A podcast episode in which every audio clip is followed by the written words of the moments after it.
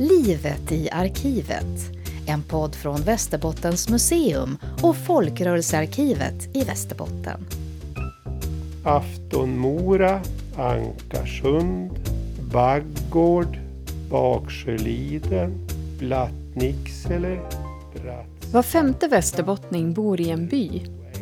Många av våra byar har en spännande historia som går att spåra långt bakåt i tiden. Idag ska vi gräva i våra arkiv och kolla in gamla kartor, fotografier och annat som bybor här i Västerbotten sparat ända sedan medeltiden. Bor du själv i en by? Eller har din släkt gjort det? Då kan våra arkiv hjälpa dig att lägga pussel över din egen historia. Just Västerbotten har varit ovanligt bra, kanske bäst i Sverige, på att ordna och planera för hur livet i en by ska fungera och det påverkar fortfarande oss som bor här idag. Västerbotten har idag omkring 1500 byar. Från byn Håknäs finns till exempel ett brev som skrevs redan på 1400-talet. Det är så gammalt att det är skrivet på pergament, djurskinn.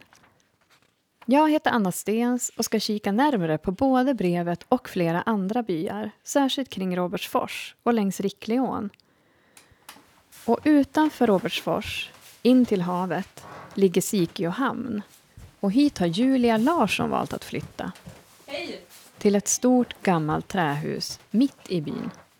Välkomna, det är jättekallt. Ja, men! Ja, det, det är varmare. Ja, jag heter Julia Larsson och är 32 år och bor i Sikehamn eh, sen fyra och ett halvt år tillbaka. Och jag jobbar som medicinsk fotvårdsterapeut här i Robertsfors kommun. Och just nu håller jag på att bygga upp mottagningen hemma på gården i Sikeå. Så att tanken är att jag ska ha min fotvårdsmottagning hemma och jobba då privat. Men kan du berätta lite om varför du hamnade just här? Ja, men Sikeå, det var ju väldigt slumpmässigt att, att jag bor just i Sikeå faktiskt. Men att jag hamnade här i kommun, det var på grund av eh, alltså med fotvårdsjobbet. Eh, och det låg ut en tjänst i kommun. Har ju som alltid eh, tänkt att jag vill bo på landet och var som ganska peppad på det.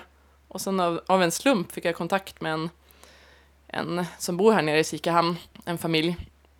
Så att vi, då hyrde jag in mig i deras hus. Och det var väldigt så här, de bor där på helgerna och sen hade jag huset för mig själv på vardagarna.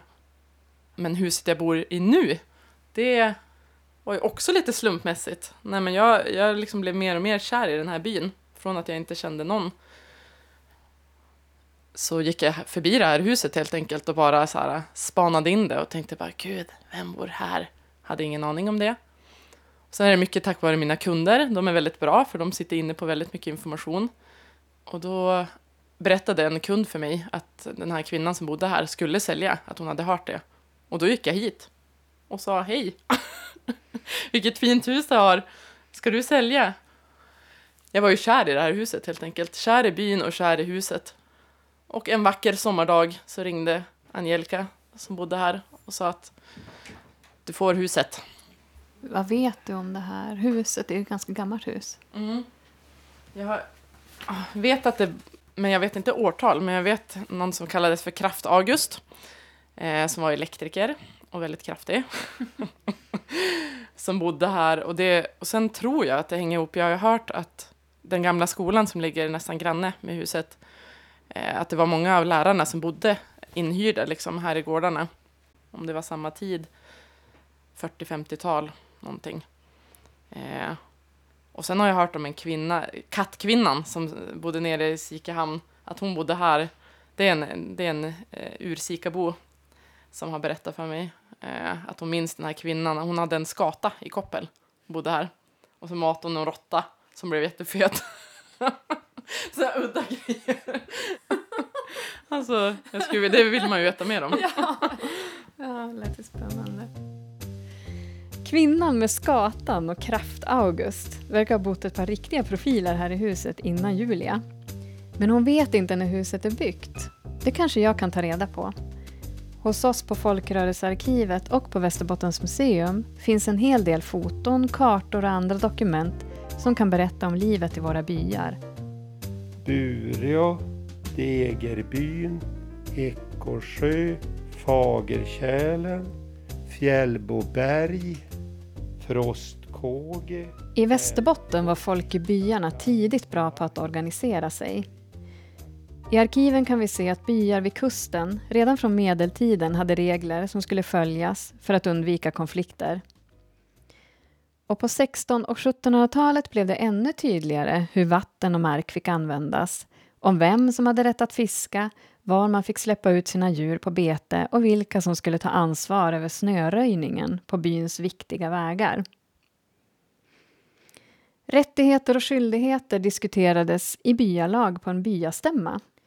Och det var männen som ägde gårdarna i byn som bestämde, men änkor kunde också få vara med och ta beslut. Det vet vi idag, eftersom byalagen skrev ner sina regler och vad som hände på mötena. Och sen låste de in sina papper i säkert förvar. Nu ska du få se en eh, byakista härifrån Västerbotten. Arkivarie Kuno Bernhardsson öppnar ett tungt lock till en träkista. Innehållet finns idag bevarat här hos oss på Folkrörelsearkivet i Umeå.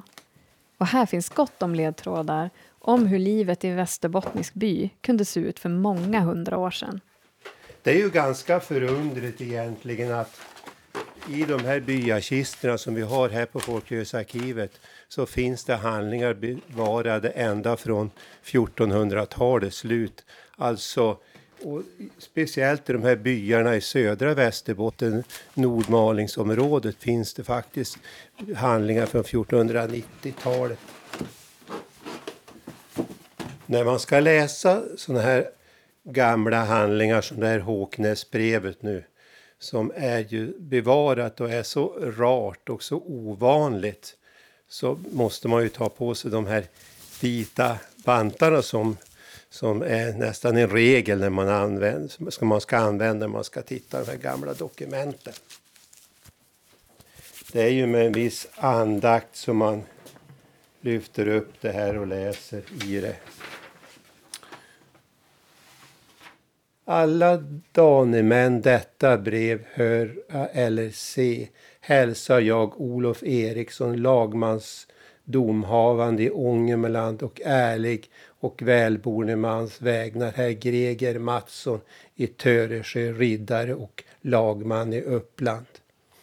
Det är början till brevet där och det här är 1490-94 och nu vet ju det att Columbus landsteg ju Amerika hösten 1492.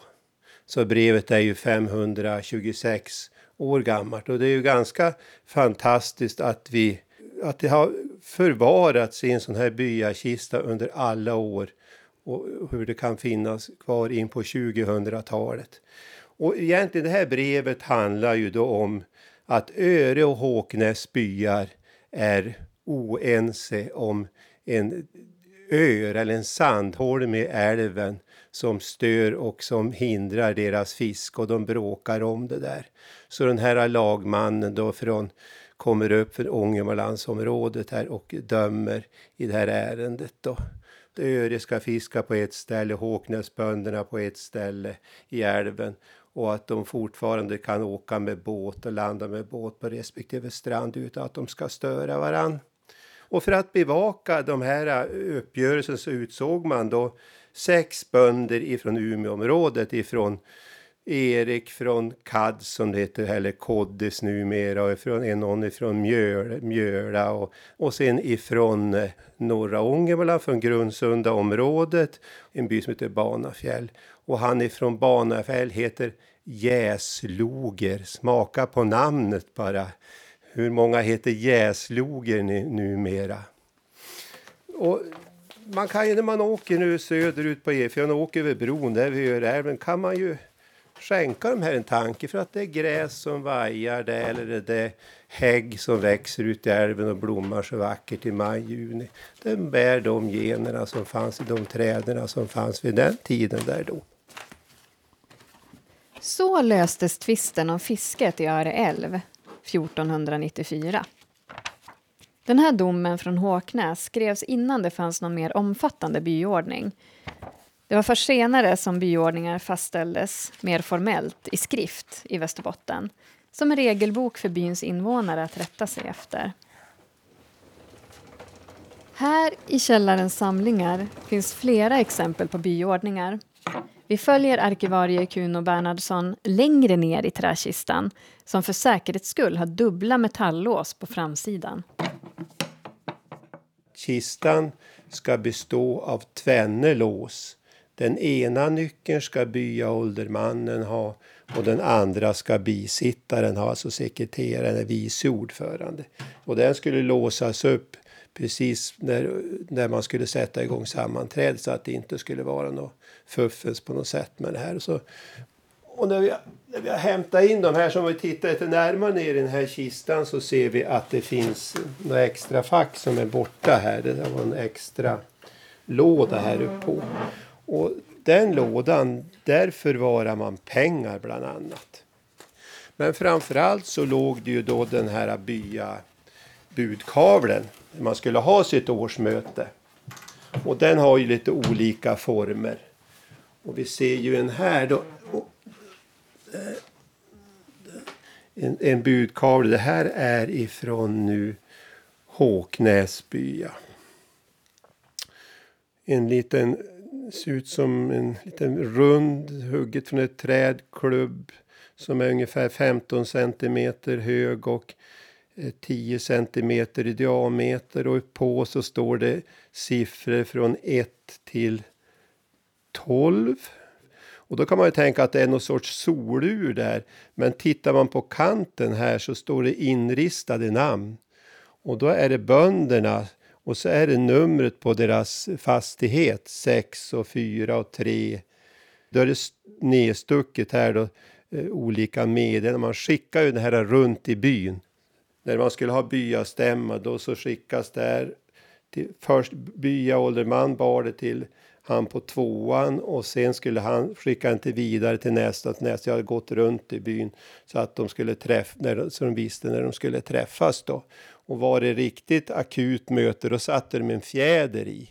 Då såg de, nu är det en fjäder, nu, är det, nu ska vi ha snabbt, nu måste det här ske, mötet komma på en gång, alltså här är viktigt.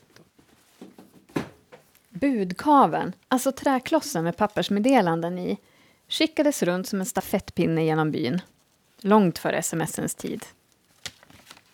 Hos oss på Folkrörelsearkivet finns alltså en hel del som berättar om hur bybor samarbetat i vardagen, hur de har gjort för att överleva och försörja sig, men också om deras fritid och nöjesliv. I Sörmjöle by, exempelvis så finns det ju någon paragraf som säger ingen må eh, hysa barn och ungdomar som övas åt dans och nöjen och kortspel och andra förgängligheter. Så det är en liten moralisk kontroll också. Men det finns också tvärt emot en ganska dråplig historia. Sörfors här i Umeå, de gick eh, vid ett tillfälle helt emot det där med kontrollen av, av, av dansstugor och av, av fåfängligheter. Så att någon gång på 1830-talet finns det i något protokoll att man hade beslutat att man skulle ge varje dräng en kanna brännvin och fyra kappar eh, malt, alltså det är för öltillverkning. Det blir fyra, fem liter öl av det. Kanske inte så starkt som dagens starköl och eh, skulle ge dem ledigt på tors från torsdag till söndag för att man skulle då få festa loss ordentligt i Sörfors. Och pigorna och flickorna de skulle få två ljus var. Varför de skulle ha två ljus, ja det får man fantisera om nu. Vi skulle se vad det var för pojkar som skulle komma. De skulle hålla kontroll. Vi ska snart tillbaka till Julia Larsson i Sikeohamn utanför Robertsfors. Hon är särskilt intresserad av byarna i hennes nya hemtrakter, så jag ber Kuno att kolla efter det. Egentligen de här byarkiven också är en fantastisk källa när man ska släktforska. Och som jag tycker när man kommer till det här steget att eh, man ska sätta kött på benen på människor. Hur hade en människa det i, i, i Robertsfors, eller bygd eller i Rickelåne då? Och här är det från en dombok då på Bygd och häradsrätts tingslag.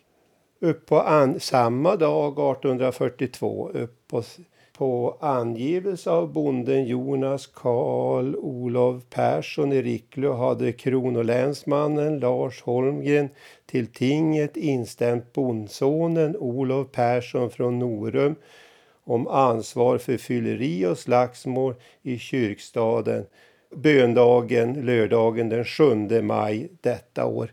Och här har man ju genast ett spännande dokument som är en första pusselbit att kanske gå in till bygde och häradsrätts dombok och läsa vad var det som låg bakom där. Och det är väl kyr, uppe i kyrkstan, det är väl någon kyrkhelg och de här två gossarna har väl druckit för mycket och börjat på slåss här då. Och en den här från Norum, han åker ju dit och ska få böta men på baksidan av dokumentet så har bönderna där i Rickle och betalat böterna hans.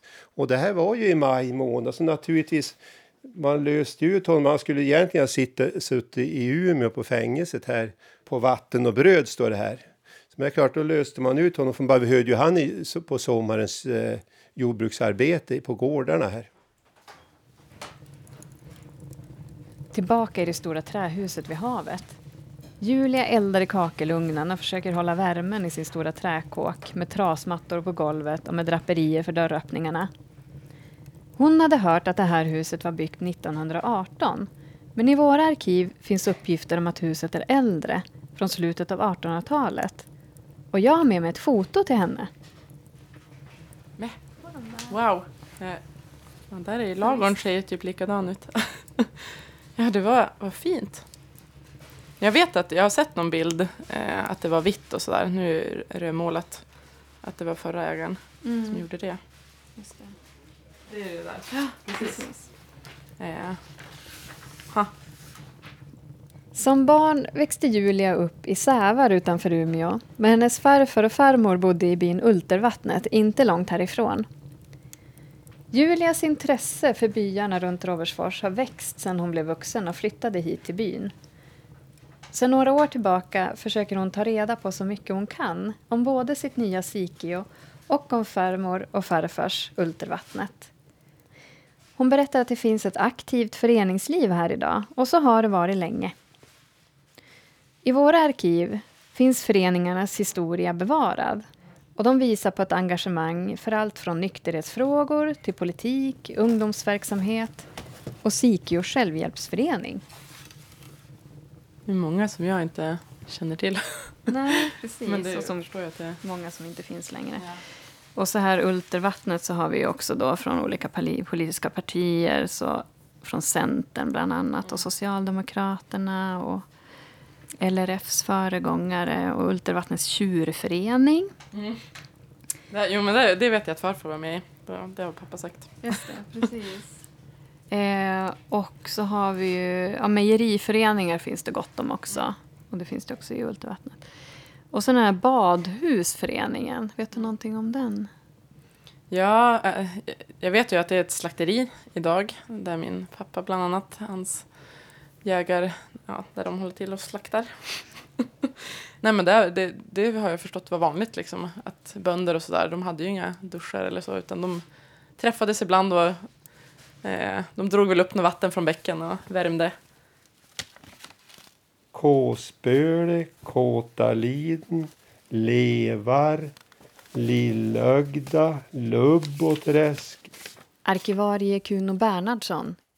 I och med att kvinnorna fick rösträtt och så började de på att driva såna här frågor på 1920-talet om bättre hygien och underlätta för med tvätt. Och ja, ni förstår ju det här med att stå och tvätta nere vid Burträsket i 20 grader kyla, en isvak och så vidare.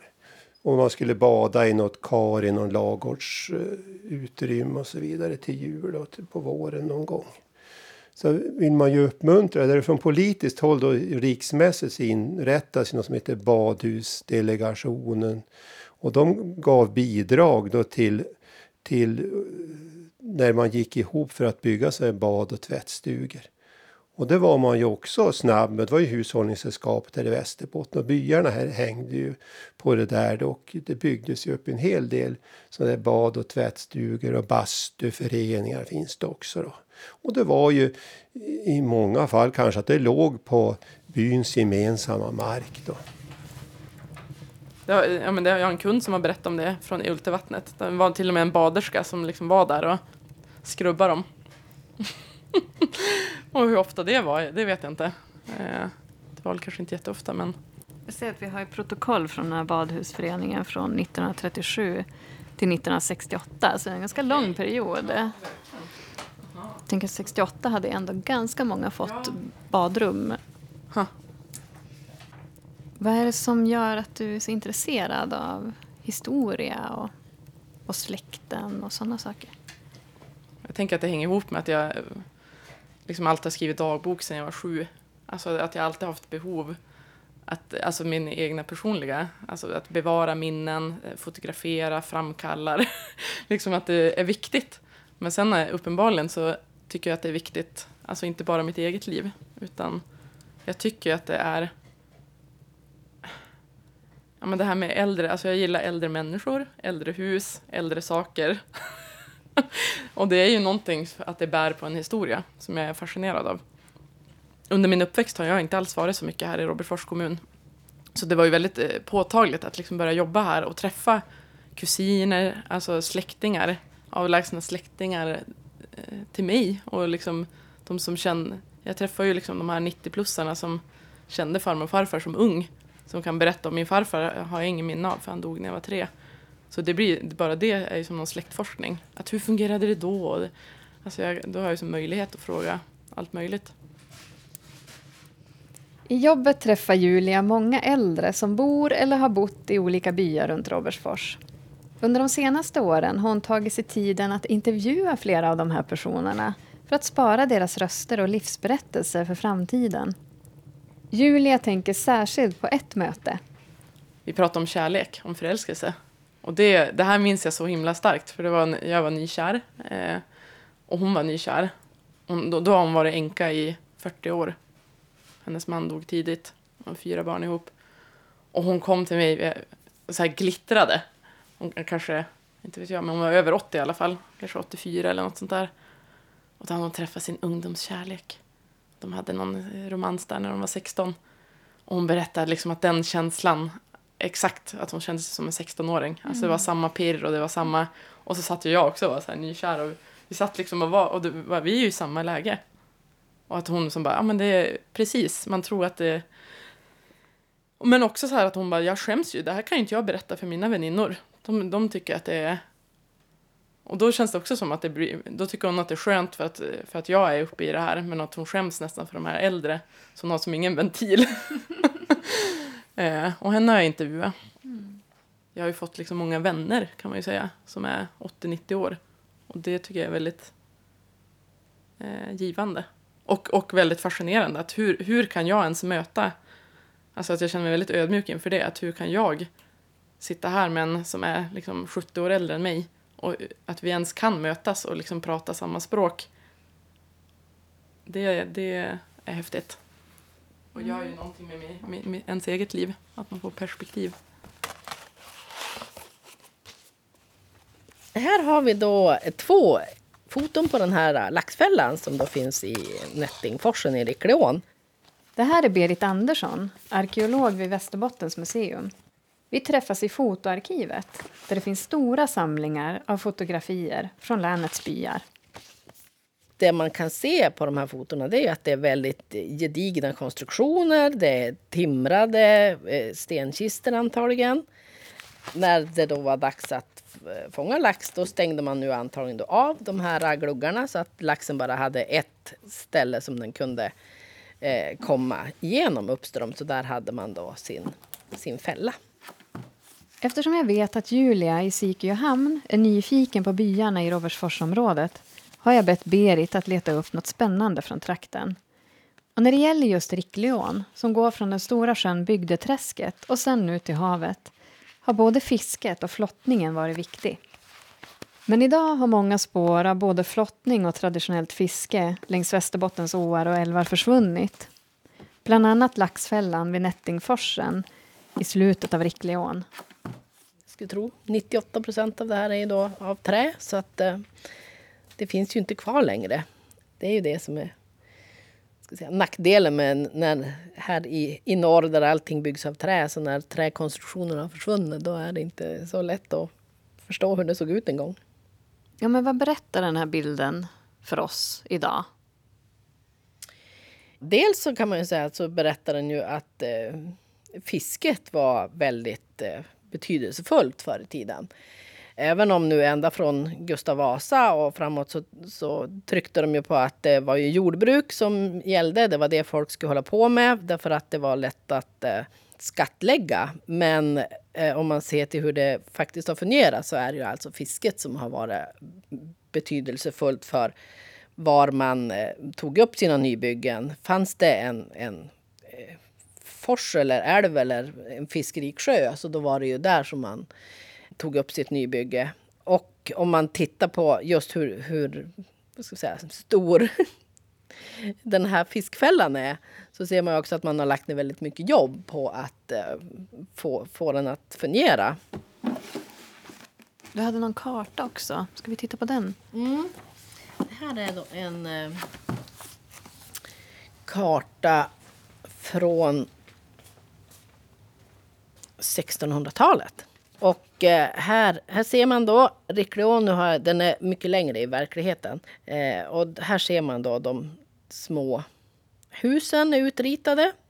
Och då är det alltså inte hur, hur husen egentligen ser ut utan det är mer symboler för hus kan man säga.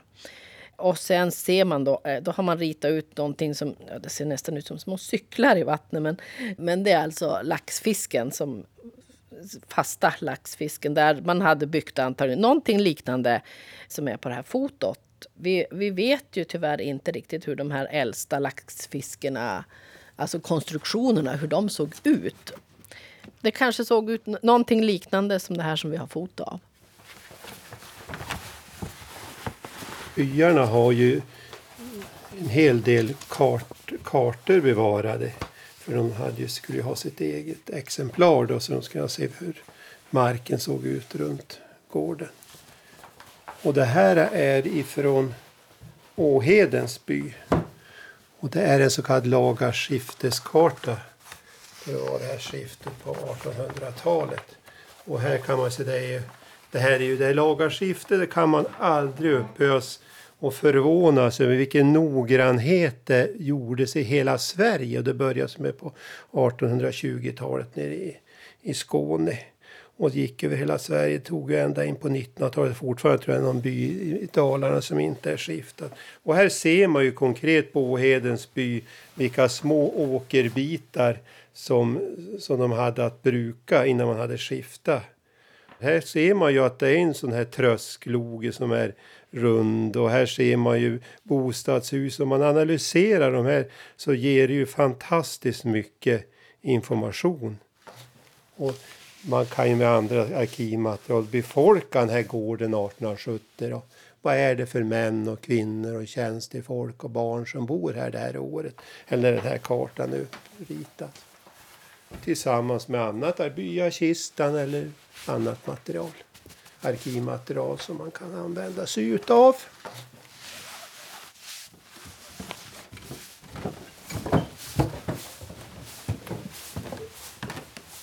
Här är sånt här spännande utrymme med gamla hus. Som bara, hur ska man utnyttja det här? Har inte riktigt kommit underfund med det. Hemma hos Julia Larsson i Sikeåhamn är det nu dags att kolla in övervåningen. Sovrummet.